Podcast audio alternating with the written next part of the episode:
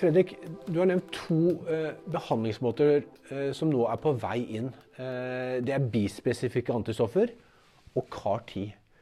Hvordan står disse eh, strategiene eller metodene mot hverandre? Ja, du kan si CAR-10 den, den, er jo en pasientens egne celler. Det er en stor prosess med å få lagd dem. Uh, bispesifikke antistoffer de prøver seg litt på det samme, men jukser litt. De bare gir et medikament som aktiverer de T-cellene som er i kroppen, mot, mot BCMA. Eh, eller ja, som er det proteinet på, på kreftcellene de på en måte angriper. Eh, så begge deler bruker T-celler mot celler med dette overflateantistoffet BCMA. Uh, den store fordelen med bispesifikke antistoffer er at her kan jeg få deg inn på sykehuset i dag, og så kan jeg begynne å behandle deg i dag med dette medikamentet. Det er ikke denne høstinga, produksjonen og ventetida. Um, responsratene, altså hvor mange som, som, som uh, får, får, redusert sykdom, er litt lavere på de bispesifikke antistoffene. Der ligger det på sånn 60-80 mens den ene karteen har jo 98 um, um, Men det er jo ikke det som betyr noe. Det som betyr noe, det er hvor lang tid det tar før du får tilbakefall. Uh, og det er jo en mulighet for, siden vi ikke vet hvor lenge de bispesifikke antistoffene virker, for de resultatene er ikke kommet ennå, så er det en mulighet for at selv om du har bedre respons på CAR-T, så kan det være lenger på bispesifikke. For de gis hver uke eller annenhver uke. De gis kontinuerlig. Mens en CAR-T som du gir, der kan cellene etter en stund eh, så kan de dø, bli borte. Mens på den andre så fortsetter du å gi immunterapien. Så det, det er veldig usikkert eh, hva som er best av disse, sånn effektmessig på hvor lenge det virker. Og det vil vi få vite kanskje i løpet av neste året, da, hvilken PFS disse eh, bispesifikke antistoffene har. Men at de er mye enklere å bruke med sånn oppstarten, det er helt klart. Samtidig er det en stor fordel med CAR-T at du gir det, og så, så, glemmer du det. på en måte. Du trenger ikke å gi kontinuerlig behandling. Så det er på en måte pros and cons på, på, på begge to. da. Hva som er best, vet vi ikke, men vi vet jo hva som er andre fordeler og ulemper med dem.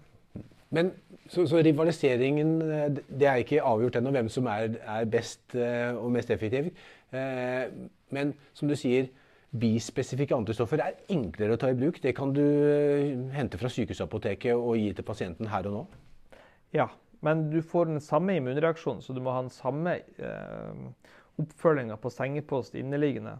Men du kan gjøre det med en gang. Du trenger ikke å vente på celler som skal sendes til USA og produseres. Og, Men i sum to veldig potente og effektive strategier som gir en uh, positiv fremtid for uh, pasientene.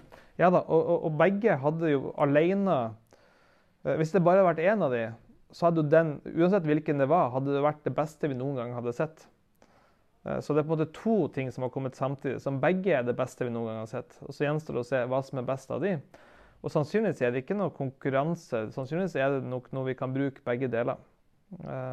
I forskjellige situasjoner og med forskjellig både eh, tilgang. Som jeg nevnte tidligere, så er produksjonskapasiteten på CAR-T begrensende. Det er det ikke i samme grad på, på bispesifikke antistoffer. Så det er lettere å gi det til mange. Men det er ingen bispesifikke antistoffer som heller i dag er eh, godkjent og klar for bruk eh, i Der, klinikk? De ligger litt etter CAR-T-cellene, så det er ingen som er på markedet ennå. Men det nærmer seg. Den første blir nok godkjent i løpet av noen måneder, tenker jeg. Første gang du hørte om CAR-T og, og Bite, hva, hva, tenkte du da? Ja, du kan si Første gang jeg hørte om CAR-T, det var jo for akutt leukemi. Og da hadde det jo kurert ei ung jente i Philadelphia som ellers ville definitivt vært død. Eh, og man skjønte jo da at dette var fantastisk. Eh, men det var akutt leukemi, og det var der det kom først. Eh, den, den, greia på myrmatose, det tok det litt tid fra, fra, man hørte om det først, til man innså hvor bra det faktisk var. Eh, det var mye snakk om det. Det kom kartia fra mange forskjellige steder, eh, forskjellige land, og man hadde forskjellig tillit til om dette kunne stemme. Mens det viser seg egentlig at jo mer og modnere data vi har fått, og jo mer solid forskning som har blitt gjort, jo bedre ser det egentlig ut. Så det vi i starten var litt redd for var en hype, har jo etter hvert blitt på en måte overbekrefta. Så det er ikke noe tvil om at dette her er, det er en helt ny verden for, for myelomatosepasienter eh, og behandling av myelomatose. Men en av utfordringene med CAR-10 er at behandlingen er så effektiv at den tar livet av alle cellene i kroppen som har overflatemarkøren som CAR-10-behandlingen er genetisk laget for å finne. Det gjør det krevende å finne gode målceller.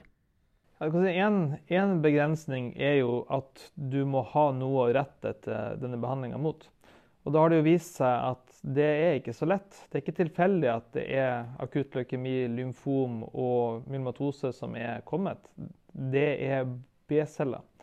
Og er det noe vi kan klare oss uten her i verden, så er det B-celler. Fordi B-celler lager antistoffer, og det finnes på apoteket. Så vi kan kjøpe antistoffer. Vi kan etterfylle pasienter med antistoffer. Så Derfor kan du ta livet av alle B-celler. Og, og I tillegg så har B-celler overflateproteiner som ingen andre celler har. Så du tar ikke livet av andre celler.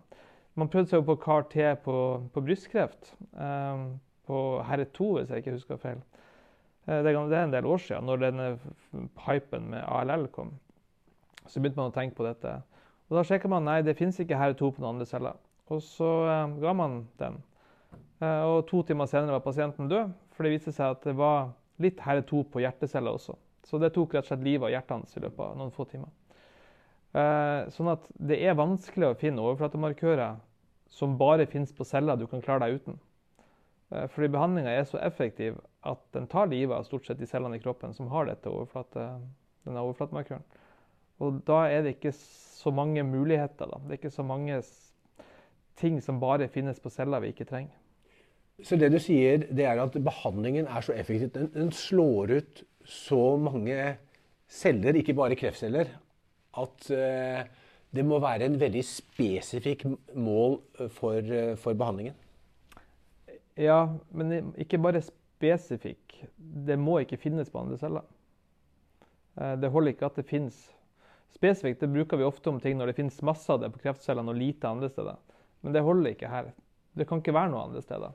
Du må ha et, et protein som et målprotein som bare finnes på de cellene du, skal, du kan klare deg uten. Da. For ellers så vil rett og slett eh, CAR-10-behandling ta livet av pasienten, eller gjøre ja, den alvorlig, hvis, alvorlig Hvis den tar livet av, av celler som, som, man ikke kan klare seg uten. Det kan være mange typer mm. celler. Da. Hjerteceller, lungeceller, nyreceller. Ja. Spennende. Tusen takk for en uh, spennende samtale. Takk sjøl.